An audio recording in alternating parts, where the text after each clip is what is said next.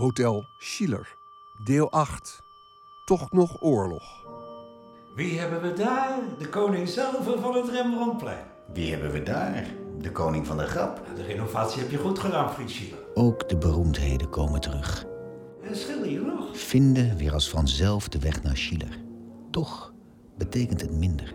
Vindt het minder van belang om hen te omarmen en opgetild te worden door hun aanwezigheid, hun talent. Me met hen verbonden te voelen door mij over hen te ontfermen, hen te eten geef en te drinken, soms te slapen leg. Goedenavond, dames en heren. Ken u deze Max? Tailleur, de Na moppetapper, een toespraak stapt Hitler... die grappen maakt komt er een om, zoals hij zelf zegt, Wat zijn uw plannen? niet te hoeven Zegt huilen. Hitler, ik ga 6 miljoen Joden vermoorden en twee Hollanders. Hou niet van zijn grappen, waarom twee Hollanders? maar bewonder hem Zegt zo volledig iets te durven die 6 zeggen. miljoen Joden vallen helemaal niet ergens voor te gaan staan. Geloven in eigen recht, in eigen kunst. Ergens doet hij me aan Eilders denken. Heijemans, Wigman, ieder op zijn eigen manier. Controversieel durven zijn. Anders durven denken. Geen makkerschapen zijn. De massa chockeren en aan het denken Wat zetten. is de overeenkomst tussen de Nederlandse vlag en NSB-leider Anton Mussert? Nou, nou? Ze werden op dezelfde dag Ergens ben ik toch een schilderende hotelier gebleven. Alles gaat over haar. Lieve, lieve meneer De kranten gaan over haar. De grappen, de statistieken, de verhalen van anderen. Toch mag ik hem. Is het ook belangrijk om pijn te voelen, omdat je weet dat hij er zit, diep van binnen. Ook op dagen dat je hem niet voelt. In je diepste wezen zit als een dier dat zich stilhoudt, maar toch af en toe knaagt. Ergens leeft ze in hem voort. Al denk ik niet dat ze van zijn moppen zou hebben gehouden. Eh, Toch zie ik haar ook wel om hem lachen. Tegen wil en dank. Zoals ik zelf ook lach tegen wil en dank. Sommigen vinden dat hij het Joodse volk bespottelijk maakt. Maar ik denk niet dat zij dat zou vinden. Ook over Duitsers zijn grappen die, ondanks alles, pijn doen aan mijn Duitse ziel. De herinnering aan mijn vader bezoedelen. Zijn liefde voor Beieren en de Duitse cultuur. Het heimwee dat hij altijd voelde. Wat zou hij eigenlijk hebben gevonden van de oorlog? Hoe eet een Duitser mosselen? Nou, nou? Hij klopt hard op de schelp en brult afmachen! 1940. Sta niet meer buiten op het plein tijdens het eerste jaar van de oorlog, maar voor het raam van het hotel, in mijn eigen vitrine, en bekijk de buitenwereld. Luister naar het rumoer op het plein. Heb medelijden met haar, heb medelijden met het plein, met het standbeeld van Rembrandt dat daar maar staat. Toekijkt hoe de knokploegen van de WA zich om hem heen verzamelen. Op de plek staan van de moord op Pissuis en Jenny, alweer 15 jaar geleden. Maar toen ook een sensatiebeluste menigte nog lang naar sporen zocht van bloed. Hoe ongedurig zijn ze, schichtig en nerveus, als groepen die van zich willen laten horen. Ga weg daar bij het raam, Frits. Het is beter om wat onzichtbaar te blijven. Binnen gaat alles gewoon door. Alles lijkt nog hetzelfde. Gescheiden werelden. Hoe lang zal het nog duren tot binnen buiten wordt? Buiten naar binnen komt. Ga tegenover mevrouw Corrie zitten aan de vaste gastentafel. Het lijkt meer een groep slecht geregisseerde figuranten. Soms gaan mensen te veel op in de rol die ze toebedeeld hebben gekregen. Een uniform zou het wel goed doen in een of ander goedkoop spektakelstuk. Somber en onheilspellend. In alles vertegenwoordigen zij het boze. Thee, lieve? Nee, dank je, Cor. Heb bewondering voor de stakingen gehad. Voor de recalcitrantie van elders. Voor hen die zich aaneensloten en hun stem lieten horen voor een nieuwe wereld. Maar het is moeilijk om deze lieden in hun idealen te volgen. Wie zijn ze? Ze zijn niemand. Zij zijn mensen die zichzelf ergens in hebben verloren. Niet meer dan groepen zijn. Die met verwrongen gezichten geschreeuwen, mensen lastigvallen en alleen maar willen vernielen. Alles kapot willen maken. Alles kapot willen maken om zelf te kunnen heersen. Ongedierte dat onder een steen vandaan is gekropen. Veel erger dan Duitsers zijn die zich goed gedragen. Tot nog toe. Haat die schreeuwlelijkers buiten op het plein. Hoor hen zelfs in de linnenkamer. Ze vallen cafés binnen. Van hen die openlijk weigeren de bordjes verboden voor Joden te plaatsen. Hein heeft er een geplaatst. Schouderophalend. Omdat zij die ons kennen wel beter weten. Het betekent niets. Toch heb ik het weer weg laten halen. En een paar keer hebben we zo op en neer gelopen. Tot ook ik begreep. Het betekent niets. En toch ook weer alles. Het is alleen een manier om het meubilair te behouden. Maar het is een feit dat we worden ontzien vanwege de Duitse officieren. Denk erover om onderduikers op te nemen. In de linnenkamer. Speel met de gedachten. Vraag me af of de Duitse officieren in hun kamers het zouden merken. Misschien kan het hen niet schelen. Meine Herren Offiziere, ich bitte Sie, Zimmer und Bettlaken schon zu behandeln. Wie Sie wünschen. Frische Handtücher gibt es nur einmal die Woche. Bitte halten Sie auch die Gänge frei. Stellen Sie Ihre Schuhe ins Zimmer und hängen Sie Ihre Mäntel auf die Bügel im Schrank. Und bitte essen Sie nicht auf den. Ze zijn ons welgezind. Zoals velen ons altijd welgezind zijn. Zich op hun gemak voelen in Schiller. Zoals velen zich op hun gemak hebben gevoeld. Er een toevlucht hebben genomen. Zich veilig hebben gevoeld. We trekken ons terug met een klein gezelschap.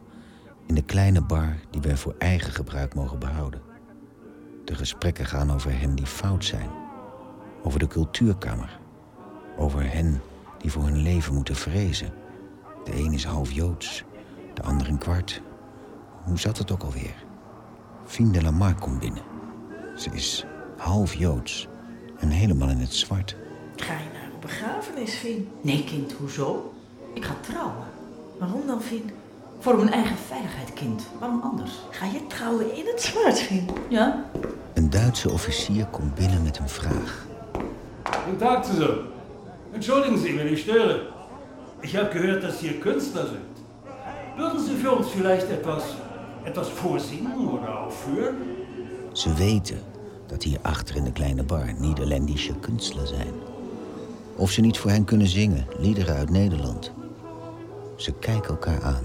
Wij artiesten? Wij, die de Jantjes zongen in Op Hoop van Zegen speelden. In al die stukken van Heijermans? Wij die bij het cabaret van Nelson zongen? Artiesten? Wij. Ik. Het spijt me heel erg en bovendien praat ik ook uit principe geen Duits. Kein woord. Ligt een Duitser in het water en schreeuwt... Hilf, Hilfe, ik kan niet zwemmen. Het was een vreemd toneelstuk waar we in terecht waren gekomen. Dat weliswaar speciaal voor ons leek te zijn geschreven. Maar waar niemand verder het fijne van wist. De moraal van het stuk ontbrak. Het was geen stuk dat Heijerman zou hebben geschreven.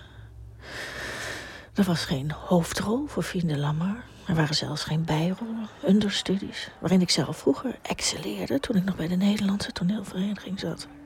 Die het moeilijkste zijn om te spelen.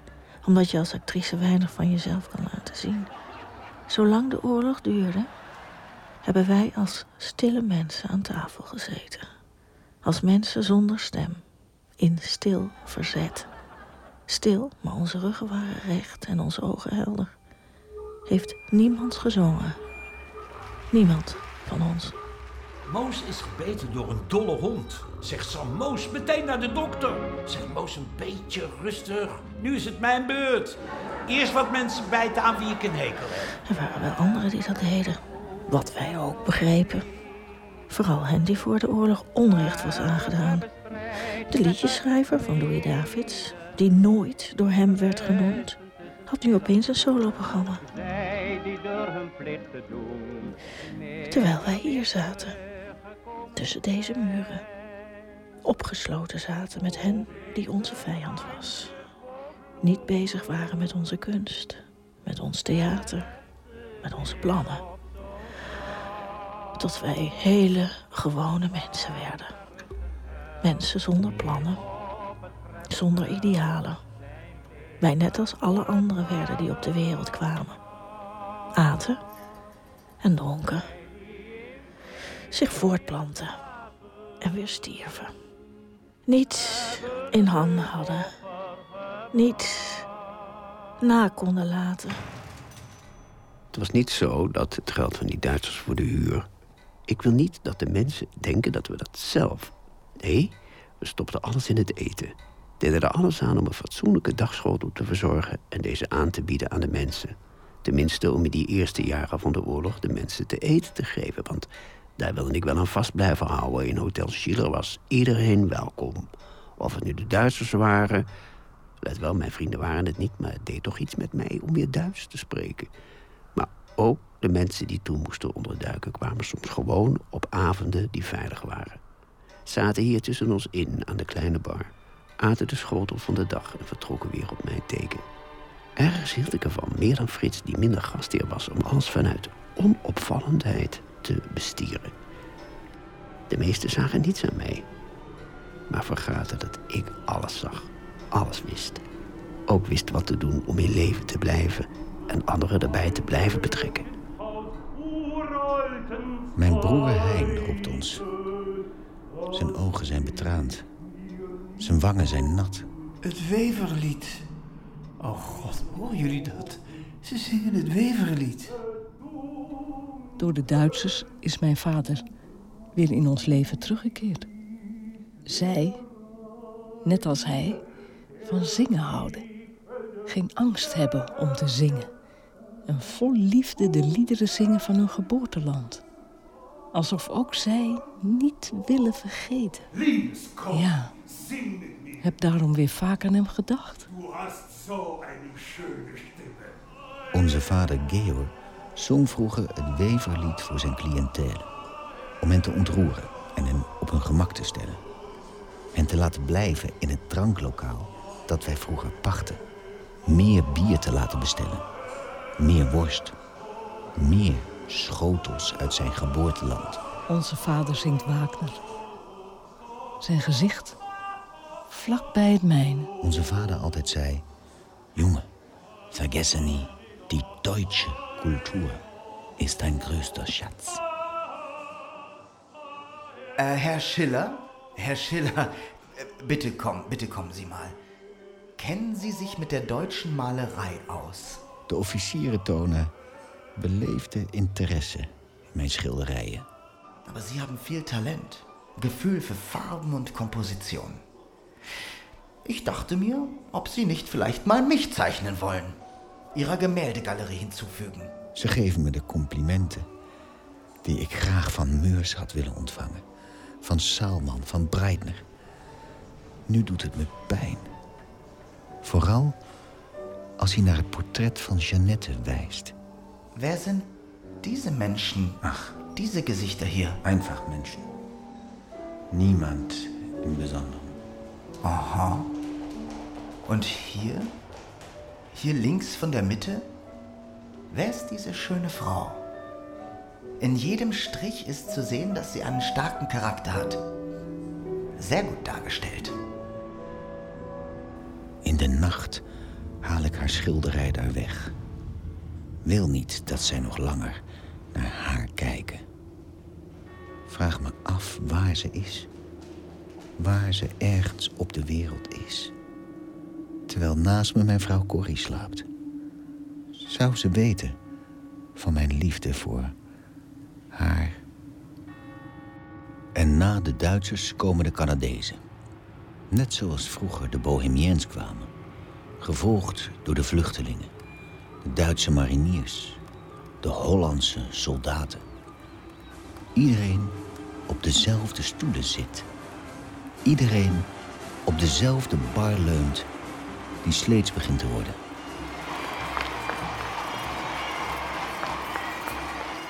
En uiteindelijk ren ik door de stad om te zien of ze al is teruggekomen. Weet dat het vreemd is voor een hotelier om naar het huis van zijn gasten te gaan. Om aan te kloppen, binnen te dringen in hun wereld. En ik had alles goed gevonden als een van haar kinderen had opengedaan. Om haar man te zien, hem de hand te drukken en hem te vragen met zijn gezin naar het hotel te komen, hun terugkomst te vieren. Maar het zijn anderen die hen niet kennen, nooit van hen hebben gehoord. En uiteindelijk loop ik terug. Door de stad. Die vrij is, maar in rouw. Ben het hotel weer binnengegaan dat leeg is. Waar de stoelen leeg zijn. De bar. De keukens. De bedden waarin zoveel hebben geslapen. Alleen zij er nog is. Corrie. Mijn vrouw. Corrie Italiaander. Alleen aan de vaste gastentafel die zich nog moet vullen met oude namen. Nieuwe namen. Waar was je? De stad in. Zouden ze nog terugkomen? Aankomen waaien. Onze gasten. Gewoon voor onze neus staan. Zoals het alles opnieuw begint. Net zoals het 30 jaar geleden was begonnen. Vanuit leegte. Corrie, laten we stil zijn. Vanmiddag streek ik met mijn hand over het hout van de vaste gastentafel. Weet je dat sommige Duitsers hun naam hebben gekrast in de nerven? Er staan ook Canadezen die hier niet horen. Hoe durven ze? Hoe durven ze hun naam te krassen in het hout van de tafel van een ander? Hoe durven Niet meer praten nu. Kom lieve, kom naast me zitten. Geef me je hand. Je rilt. Toch is het niet koud. Je, je, je rilt, je trilt. Wat, wat is er toch, liefste? Huil je? Jij? Jij huilt, jij huilt toch niet? Je huilt nooit, nee, nooit, nu. Kom, je, je, je rilt. Kom maar, kom maar, kom. Waar was je? Waar was je toch?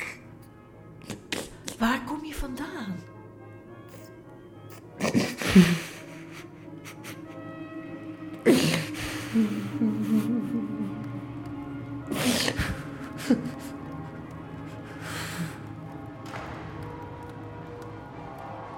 Ik ben begonnen met het openzetten van de ramen. Om de Amsterdamse lucht weer in het hotel te krijgen. De geur van oorlog te verjagen. De geur van al die mannenlijven die hier de laatste vijf jaar hebben geslapen. De geur van wanhoop, van heimwee, van euforie. Van al die uniformen, al die mannensokken en soldatenschoenen. Heb overal de lakens van de bedden getrokken en in zakken gestopt. Weet niet wat we ermee moeten. Denk dat zelfs met de koopwas de oorlog niet meer uit al dat katoen is te krijgen. Het hotel rouwt. Er zit uitputting in haar muren. Vraag. Ken je het verschil tussen de kop van Hitler en een ui? Er is geen verschil. Ze zijn allebei om te janken. Al die jongens en mannen die hier hebben gezeten. Ik ken ze niet. Ze hebben geen gezicht voor mij. Heb ze nooit geschilderd. Ben voor hen geen gastheer geweest. Heb nooit hun handen geschud. Nee. Heb mijn best gedaan om geen enkele naam van hen te onthouden. Geen enkel gezicht. Niet wil dat zij de herinnering aan mijn vergoddelijkte en verheerlijkte bohemiens verdringen. Hitler komt bij een waarzegster en die kijkt in de glazen bol en die zegt... Nou, meneer Hitler, ik zie dat u komt te overlijden op een Joodse feestdag. Oh ja, zegt Hitler. En welke feestdag is dat dan wel niet? Oh, dat maakt niet uit. Als u komt te overlijden is dat sowieso een Joodse feestdag. Breng meneer Tailleur even wat te drinken van Ray. Ja, En nou, Frits Schiller, waar houd jij je schuil? Ah, daar is je vrouw, onze actrice. Hilarisch niet? Gedurfd hoor, heel gedurfd. Moedig ook. Er zijn weer gasten. Maar dat zijn gewone gasten. Je merkt ze eigenlijk niet op. Je kent ze wel. Ja goed, iedereen natuurlijk. Werkelijk iedereen, daar maken we geen onderscheid in. Je kent ze wel. En goed zo ook. Maar je voelt niet dezelfde hartslag van binnen. We zijn geen geestverwanten. Eigenlijk is het hotel een zaak geworden. Een goed lopend bedrijf. Al kan ik niet zeggen dat ik daar rouwig over ben. En nou, beste mensen, ken je deze al? Je pijn overal. Het is meer een zakelijke overeenkomst. Waarin zoals in een huwelijk liefde en chemie is verdwenen. dat het niet meer gaat, volg dan mijn wijze raad. Lach erom, lach erom, lach erom.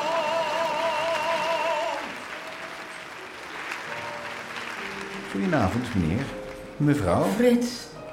Frits Schiller. Een dubbeltje voor je gedachten, Frits. Wel, wel, wel. Fien. Fien de Lamar. In eigen persoon, hoor.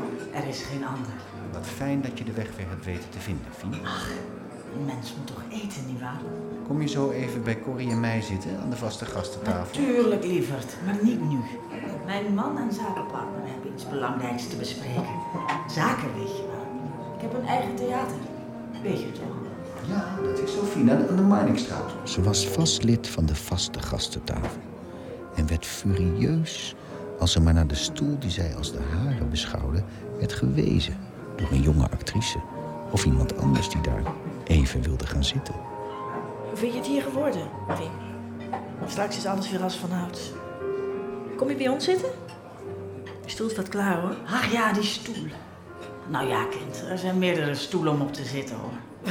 Wat jij wil, hoor, Wim. Haar humeur was onvoorspelbaar. Haar stemmingswisselingen volledig en onverwachts. Haar acties altijd buiten proportie. Haar reacties onvoorspelbaar en extreem. Toch zag ik haar eenzaamheid toen ze ooit voor mij poseerde. Frits, Ja, Fien? jij hebt toch nog dat schilderij van mij? Ja, Fien, daar hang je meid. Boven de taaien en boven Davids en Pissuis. Zou je die mij niet willen geven, Frits? Als een cadeau voor in mijn nieuwe theater. Zou zo leuk zijn in de hal. Ah, toe. Desnoods verkopen. Ik, eh, ik zal erover denken, Fien. Doe dat liever. Maar doe het snel. Ze wil geen zitting meer nemen aan de vaste gastentafel. En ook haar schilderij, haar portret wil ze van de muur afnemen. Meenemen uit het hotel.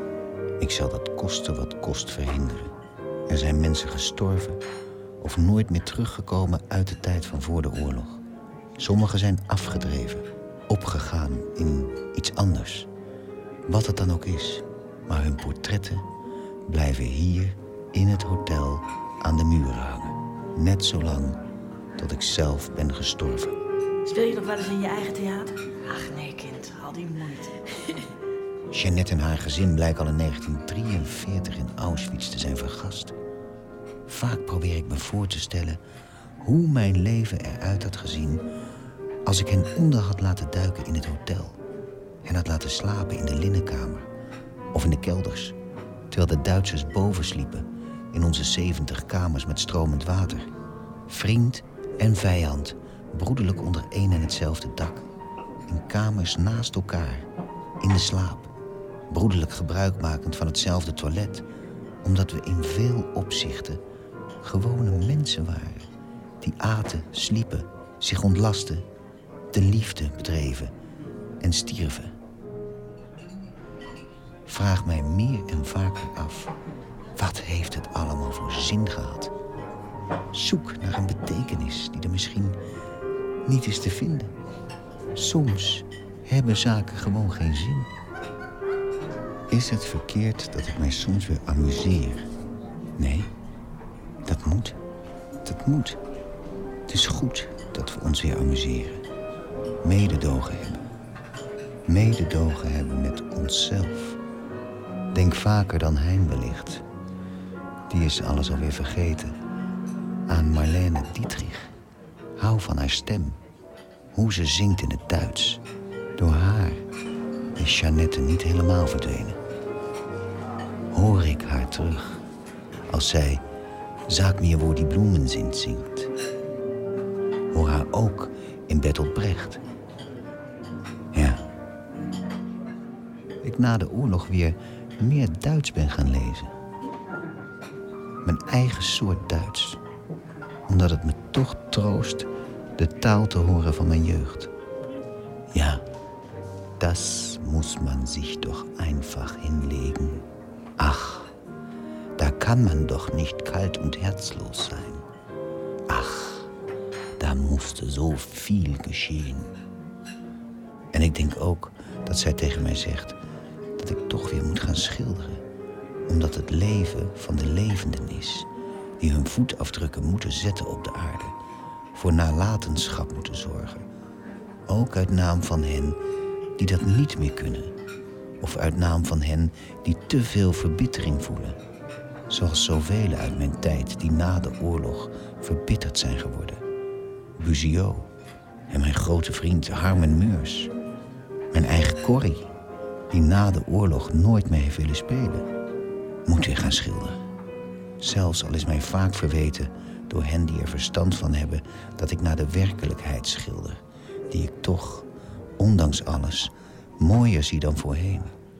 Maar in kleine dingen zie hoe bijzonder de duiven zijn in het park. De bewegingen van de wind in de bomen van het plantsoen, die al lang hadden moeten worden gesnoeid. De stad anders zie. De huizen, de grachtenpanden. Bedank hen dat zij er nog steeds staan. Aaneengeschakeld. Hun luiken geloken als ogen. Zij hun blik versluierd houden op de werkelijkheid. Ben de Amstel dankbaar dat zij nog steeds onverstoorbaar stroomt. Ja, ik neem mij voor meer stadsgezichten te schilderen. Minder mensen. Gevoeliger ben geworden. Voor licht. De stand van de zon. De reflectie van licht op het water. Voor de glans van bloemen en vruchten. Het is waar. Hou van de ondergaande zon boven de grachten. Misschien moet ik net als de taaien ook eens naar de Mediterranee. Ik heb het u gezegd. De wereld is een prachtig schilderij. Gewoon schilderen zoals ik de werkelijkheid zie. Zonder bijgedachten of oordelen. Niet ingrijpen in mijn kunst. De wereld te durven laten zoals die is. Misschien is dat ook een gave. Om door niet in te grijpen, geruisloos door te leven.